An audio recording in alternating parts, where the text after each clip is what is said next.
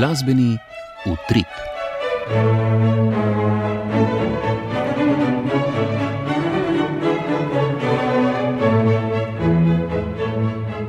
Spoštovani poslušalke in poslušalci, lepo pozdravljeni.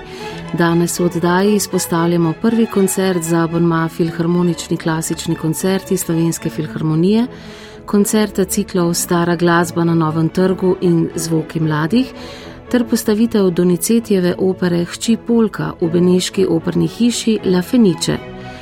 Ozrli se bomo tudi v Koper, ki bo ta konec tedna v znamenju festivala Kitarika. Oddajo povezujem Ana Marija Štukal Kuzma, vabljeni k poslušanju.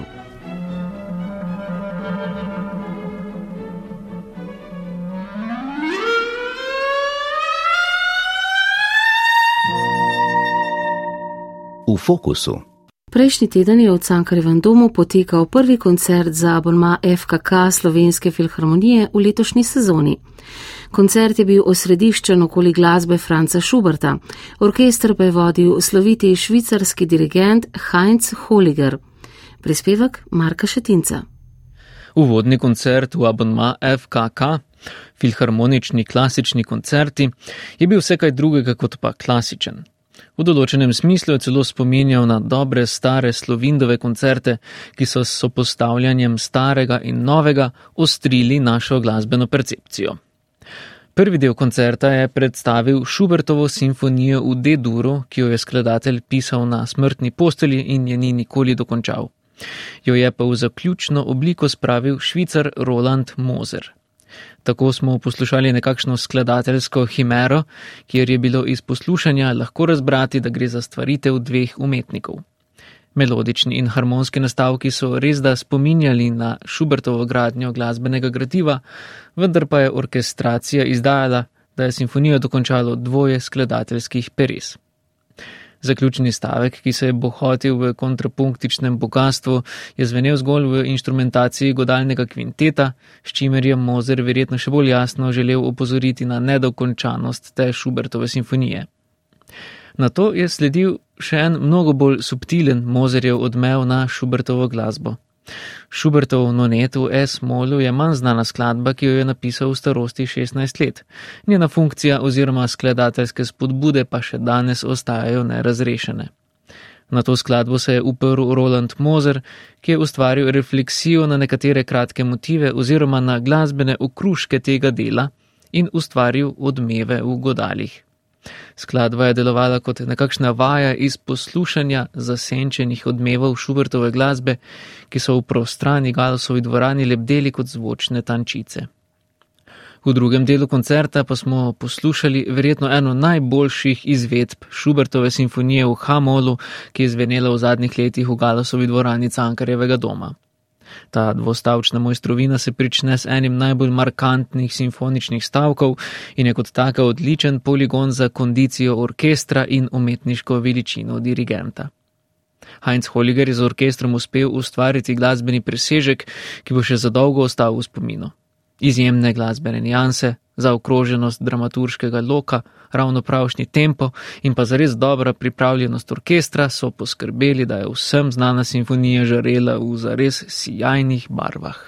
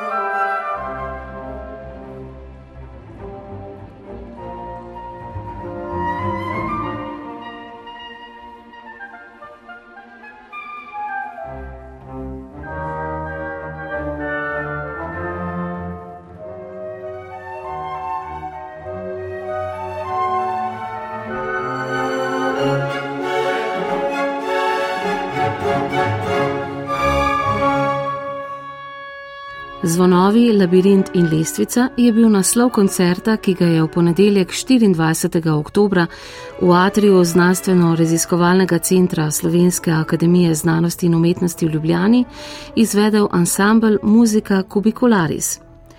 Poleg gambista Domna Marinčiča in čembalista Tomaža Sevška sta tokrat nastopili še Taja Meznarič z baročno prečno flauto in francoska glasbenica Alice Julien Laferrière z baročno violino. Na koncertu cikla Stara glasba na Novem trgu so bila tokrat samo tri dela, ki jih je napisal francoski skladatelj, rojen v drugi polovici 17. stoletja, Maran Marais. Tri precej nenavadna dela se redko znajdejo na koncertnih sporedih. Izbral jih je umetniški vodja ansambla Domen Marinčič, ki je znan potem, da rad odkriva stare partiture in jih predstavlja sodobnemu občinstvu. V prvi skladbi smo lahko slišali posnemanje zvonov iz pariške cerkve svete Genovefe. Motiv treh tonov se v basu pojavi na tanko 300 krat, a skladba kljub temu ni dolgočasna. Skladba Labirint je že ob izidu leta 1711 vzbudila veliko pozornosti. V njej skladatelj številnimi modulacijami slika tavanje izgubljenega v labirintu. A vedno, ko se zdi, da se bližamo izhodu, nova modulacija pokaže, da je bila izbrana napačna pot. V srednje delo večera pa je bila več kot polurna skladba Lestvica, v kateri skladatelj vrsto kontrastnih motivov spretno uporabi v postopu lestvice navzgor in navzdol. Domen Marinčič, ki od lanskega leta deluje tudi kot profesor na visoki šoli za glasbo v Hamburgu, je tokrat povabil odlično francosko violinistko Alice Julien Laferrière, ki je na baročni violini spretno poustvarjala zahtevne pasaže. Pri izvajanju pretanjenih odsekov zadnje skladbe se je pridružila Taja Meznarič z baročno prečno flauto. Jedro ansambla, čembalist Tomaš Sevšek in gambist Domen Marinčič, pa sta uigran par, ki igrata s posebno občutljivostjo in občutkom za avtentično izvajalsko prakso. Vsi štiri glasbeniki so muzicirali doživeto in z dobrim občutkom za slogovne značilnosti skladb in tako ustvarili dogodek, ki je deloval sveže in navdihujoče.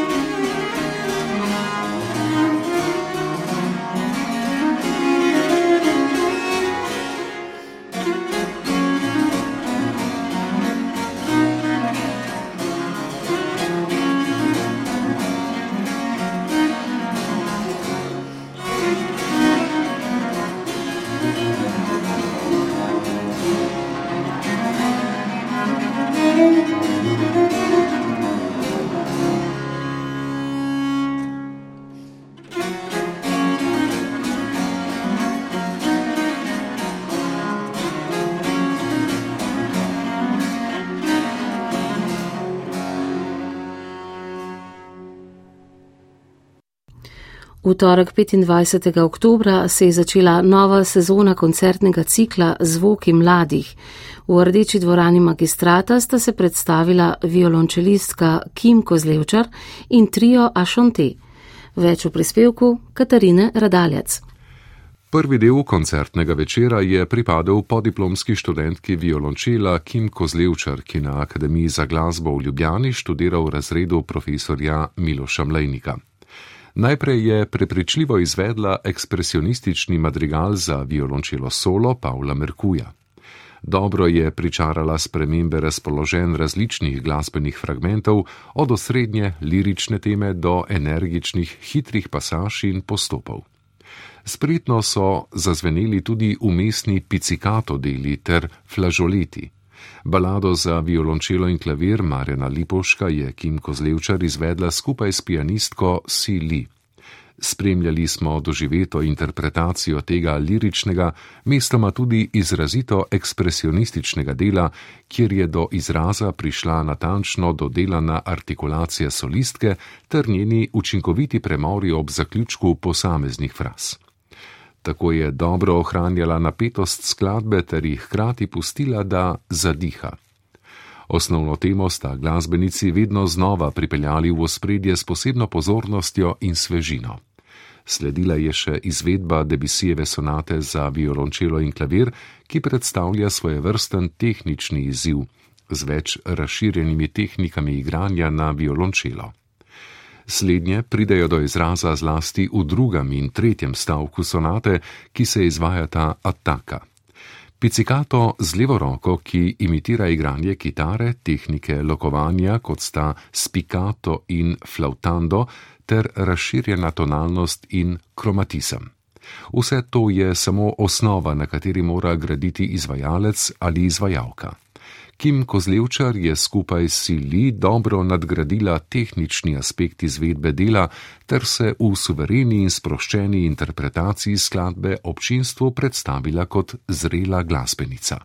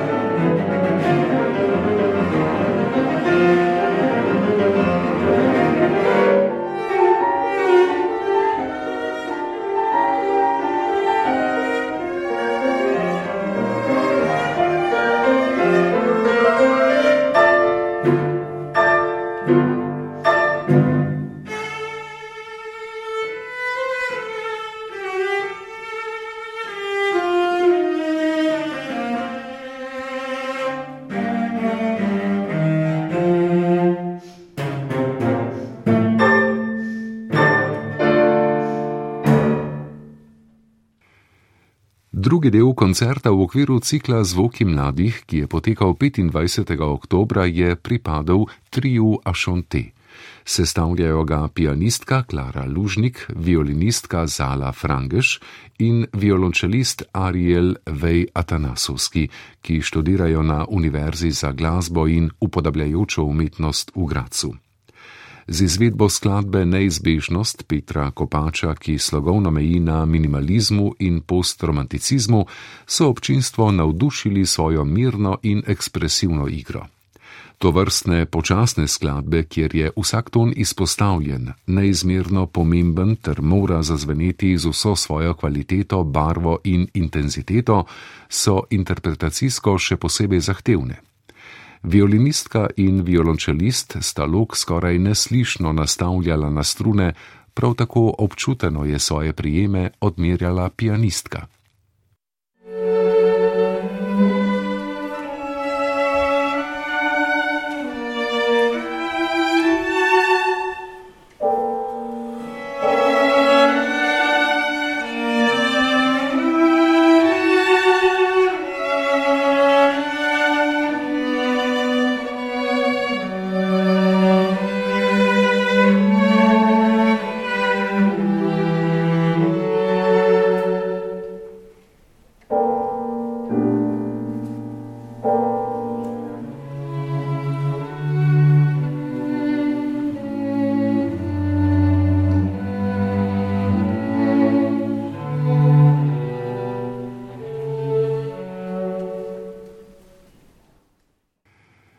Večer je sklenila izvedba Šostakovičevega klavirskega trija številka ena v C-molu opus 8, pri kateri so se člani trija Ašonte povsem predali skupni igri.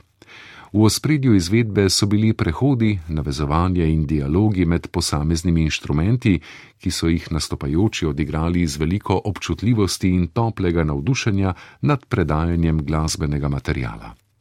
Slednji se večino časa vrti okoli osnovnega motiva, ki prežema celotno skladbo. V osrednjem delu se z njim izvajalci poigravajo tudi posamično. Tako smo dobili v pogled še v solistično igro članov trija Ašonte, ki je bila, prav tako kot njihova skupna igra, na visokem poustvarjalnem nivoju.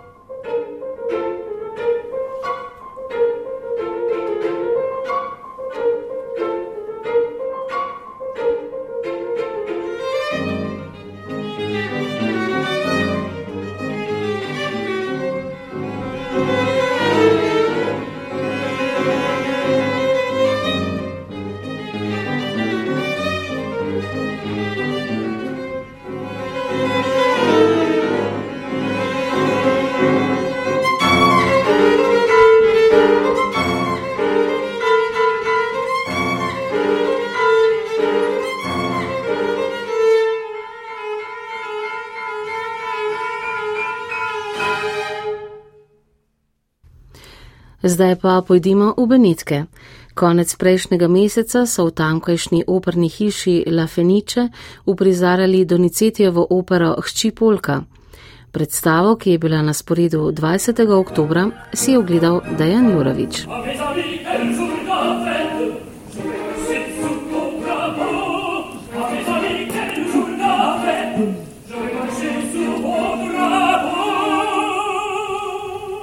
To Donicetijevo komično opero so v omenjeni operni hiši do zdaj uprizorili le enkrat in sicer kot predstavo ob odprtju sezone 1975-1976, 4. decembra 1975. Trikotnik glavnih likov Marijo, Tonija, Sulpisa so upodobili Mirela Freni, Alfredo Kraus in Vladimiro Ganzaroli. Za dirigentskim pultom je bil Nino Sonzonjo. Tokratna predstava je bila zadnja premjerna uprizoritev v sezoni, ki se končuje, mimo grede novo sezono 2022-2023 bodo začeli ta mesec z Verdijevim Falstafom. Za režijo, scenografijo in kostumografijo aktualne predstavitve je poskrbel tandem Renaud Dusset in André Barb, ki deluje z umetniškim imenom Barb in Dusset. Njuna predstava je gledljiva, tekoča, zanimiva in pravlična, začne in konča pa se z videoprojekcijo v domu za ostarele, ob kateri spremljamo Marijo v resnici 90-letno dosejevo staro mamo, bolničarko v drugi vojni. Tam jo obiščejo družina in unuka, ki se igrata z igračami na komodi, avtomobilem, motorjem in glasbeno skrinjico z baletko. Na mizici so tudi zdravila, knjige, lučka ter kipca Matere Božje in Donicetija, na steni pa Marin mladostni portret, ogledalo in državniški red za zasluge. Ob koncu uverture so se filmski rekviziti spremenili v pravlično scenografijo z idilično tirolsko gorato pokrajino v ozadju. Potem smo spremljali vsebino Donicetijeve mojstrovine. Dogajanje je bilo tekoče, igrivo, številnimi komičnimi vložki, tudi tragičnimi, ko je Marija morala zapustiti vojaški polk in se preseliti na graščino svoje tete, Markize de Berkenfield. Glavni adut, poleg že omenjene zanimive ter inovativne režije, scenografije in kostumografije, pa je dobra v glasbenem pomenu vodena predstava pod taktirko Stefana Ranzanija, ki je poskrbel za tekočo in iskrivo izvedbo. Njegovo vodstvo je bilo v podporo vsem nastopajočim izvrstnemu zboru in odličnim interpretom trikotnika glavnih likov. Marija Gracija Skjavo je bila odlična Marija, odrsko je upodabljala razposajeno in radostno, pa tudi trpeče dekle, glasovno pa navduševala v vseh registrih. Prepričljiva je bila tako v koloraturnih višinah kot v liričnih arijah in duetih. Narednika Sulpisa je interpretiral odrsko, pa tudi glasovno zanesljivi Armando Noguera. Zvezda večera pa je bil brez dvoma Tonio, američan John Osborne, specialist za belkantistični repertoar. 50-letnega pevca krasijo svežina v glasu, lahkotne kolorature, izjemni skoki in torančna čistost ter iskrivost in lahkotnost pri podajanju vloge. Po nekaj manj kot pet minut trajajočih ovacijah smo, kako pak, znova poslušali Arijo z devetimi ceji. Obakrat smo slišali filigransko in dovršeno petje, ki so mu sledili številni vzkliki bravo in navdušen aplaus. Pohvaliti moramo tudi interpreta stranskih ulog, tenorista Guillaume Andrijoja kot Hortenzija ter gledališko in televizijsko igralko Mariso Laurito kot vojvodinjo Karkentorp, ki je v drugem dejanju ob spremljavi harmonike poustvarila beneško ljudsko pesem in dobila velikanski aplaus. Predstavo Donizetijeve hči Polka so izvajali v izvirnem francoskem jeziku z nekoliko slabšo izgovorjavo, to pa je bil mogoče tudi namen ustvarjalne ekipe - doseči, da bo predstava še bolj komična in zanimiva.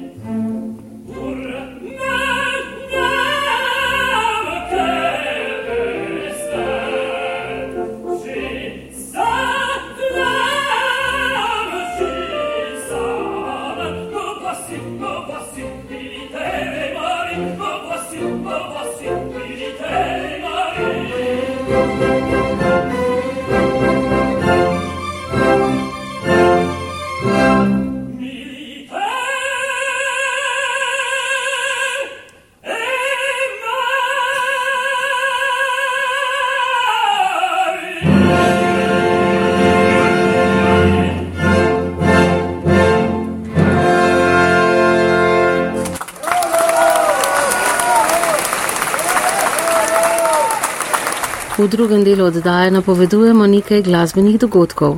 V petek se v Kopru začenja festival Kitarika, ki bo do nedelje v dvorani svetega Frančiška koprskemu občinstvu ponudil tri koncerte svetovno uveljavljenih kitarskih virtuozov. V dvorani glasbene šole Koper pa številna predavanja in mojsterske tečaje za mlade kitariste. Podrobnejši program bosta v imenu organizatorjev kulturnega društva Kitarika predstavili profesorici Martina Kocijančič in Tanja Bricel Vatovec. Pred mikrofon ju je povabila Leja Hedžet.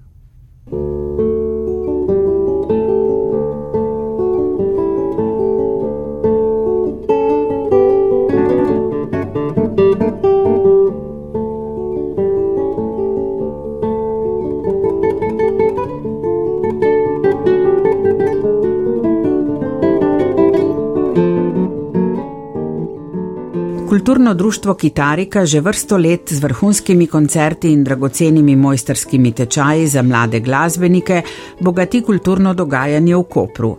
V sodelovanju z glasbeno šolo Koper izredno uspešno organizira večdnevni festival, ki iz vse Slovenije in tudi tujine v mesto privablja udeležence, pa tudi poslušalce, ki si želijo prisluhniti umetnikom klasične kitare svetovnega slovesa. Festival Kitarika bo tokrat vdihnil novo življenje nekdani frančiškanski cerkvi, danes dvorani svetega Frančiška Asiškega in palači Gravizi Barbabjanka, v kateri domuje glasbena šola Koper. Njuni zidovi bodo v teh dneh poslušali kitarske ritme, ki bodo pozornost, radovednost in občudovanje vzbudili tudi v obiskovalcih od blizu in daleč.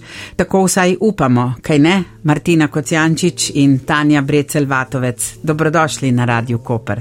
Dober dan, lep pozdrav. Pozdravljeni. Kdo bo letos privabljal občinstvo na vaš festival?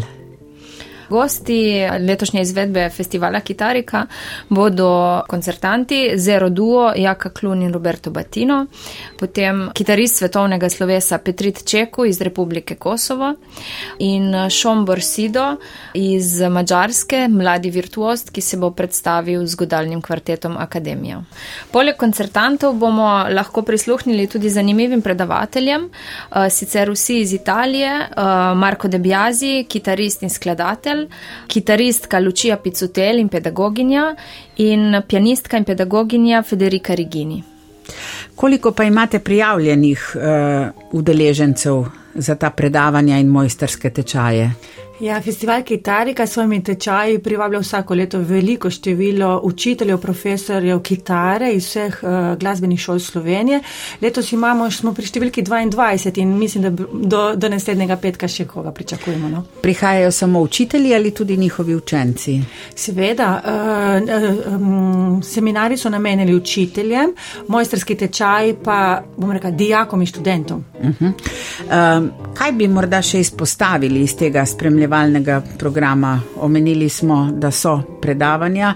Uh, je kaj, kar bo recimo posebej zanimivo v tem času?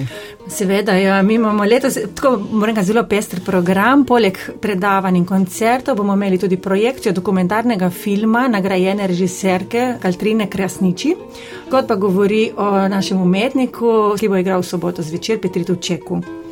Poleg tega bi pa rada na tem mestu izpostavila oziroma povabila tudi širšo publiko na eno izmed naših predavanj, že omenjene Federike Regini z naslovom Rasti z glasbo, vpliv učenja inštrumenta na razvoj otrokove osebnosti. Gospa je res iz znanstvenega in, bom rekel, izkušenj svojih lasnih pedagoških, bom rekel, spisala že knjigo in uh, imela ogromno izkušenj na, rekel, na tem področju o pomembnosti glasbe pri razvoju otroka.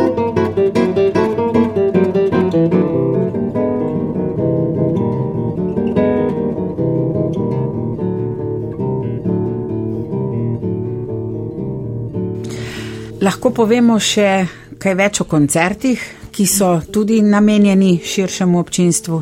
Mhm. Na prvem večeru, uh, kot smo že omenili, se bo predstavil duo, uh, Zero Duo, uh, v zasedbi Jaka Klun in Roberto Batino. Jaka Klun je domačin iz Izole. Um, naslov koncerta Allegro Conspirito nas bo popeljal skozi glasbe Piazzole, Rodriga, Defaje, Albeniza in drugih, tako da program bo res zanimiv. Drugi večer bo uh, posvečen Bahovi glasbi. Imeli bomo možnost prisluhniti izjemnemu virtuozu Petritu Čeku, ki bo Bahove suite za violončelo solo izvedel na kitari, ena izjemna, bomo rekli, svetovna poslastica, prvič v Sloveniji. Na tretjem večeru bomo lahko prisluhnili mlademu mačarskemu kitarskemu virtuozu Šomborju Sido, ki se bo v prvem delu koncerta predstavil solo programom, v drugem delu bomo pa lahko prisluhnili kvintetu za kitaro in uh, godalni kvartet uh, Marija Kastelnova Tedeska v zasedbi um, Šomborja in godalnega kvarteta Akademija. No, za konec le še povabilo, kam in kdaj. Festival Kitarika se bo odvijal med od petka do nedelje v protokolarni dvorani svetega Frančiška uh, z pričetkom koncerta ob 19. Projekcija filma bo v soboto ob 17.45. Vsa ostala predavanja in dogajanje pa bo na glasbeni šoli Koper. Tanja Brecel-Vatovec in Martina Kocijančič, hvala lepa in veliko uspeha pri izvedbi festivala. Hvala, hvala. da se vidimo na koncertih. Lepo vabljeni.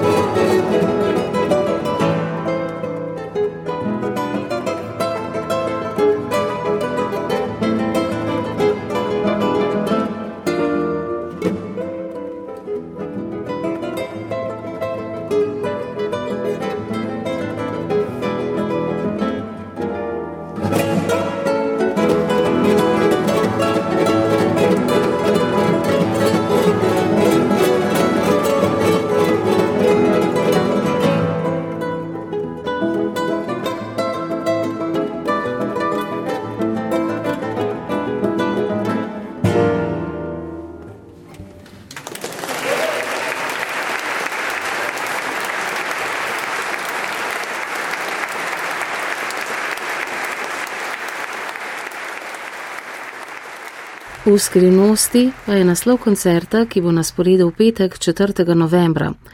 O skrivnostih življenja in smrti bosta v glasbenem jeziku na bonmajskem koncertu VIP spregovorila zbor in instrumentalni ansambl Slovenske filharmonije, ki jo bo vodil priznani estonski dirigent Tonu Kaljuste.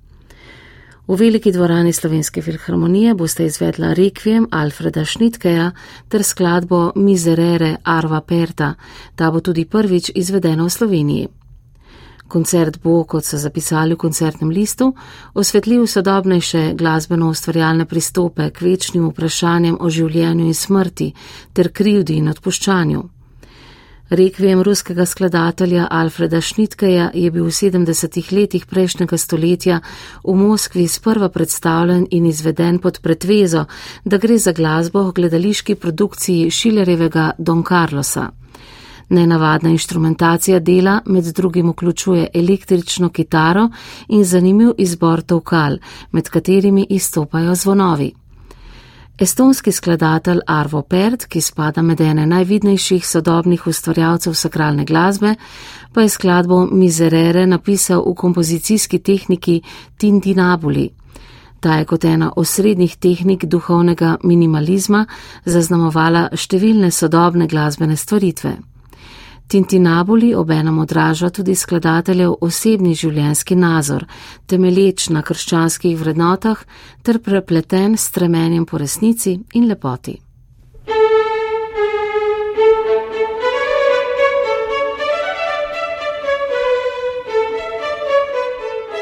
To pa je tudi vse v današnji oddaji, pripravili smo jo sodelavci uredništva za resno glasbo napovedovalec Aleksandr Golja, tonski mojster Jarnej Boc in voditeljica Ana Marija Štukal Kozma. thank you